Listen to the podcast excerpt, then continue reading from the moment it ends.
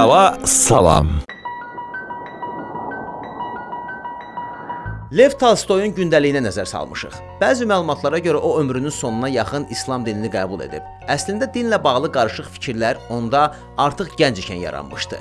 26 yaşında olarkən yazıcı gündəliyində bu qeydləri aparmışdı. 1855-ci il. Dünən Allah və din haqqında söhbətlərdən sonra ağlıma möhtəşəm bir ideya gəldi. Həmin ideyanın həyata keçirilməsi üçün özümdə güc də hiss edirəm.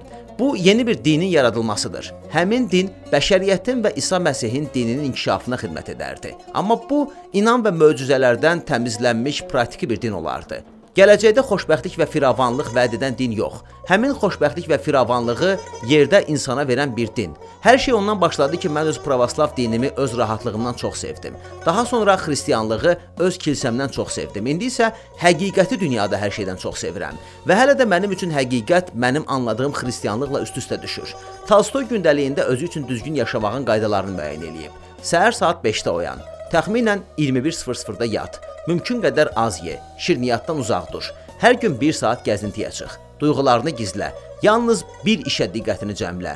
Lüzumsuz yerə böyük xəyallar qurma. Sənə dəyər verən insanları sev. Məntiqsiz, mənasız adət-ənənələrə əhəmiyyət vermə. Məqsədlərini böl. Çox işləyərək ehtirasını, arzunu öldür. Yaxşılığı nümayişkarənə şəkildə etmə. Gücünün yetdiyindən daha az xərclə. İndikindən 10 dəfə varlı olsan da həyat tərzini dəyişmə. Ev işlərini bacardıqca özün et. Başqalarının sənin haqqında danışdıqlarına əhəmiyyət vermə və qadınlardan uzaq dur.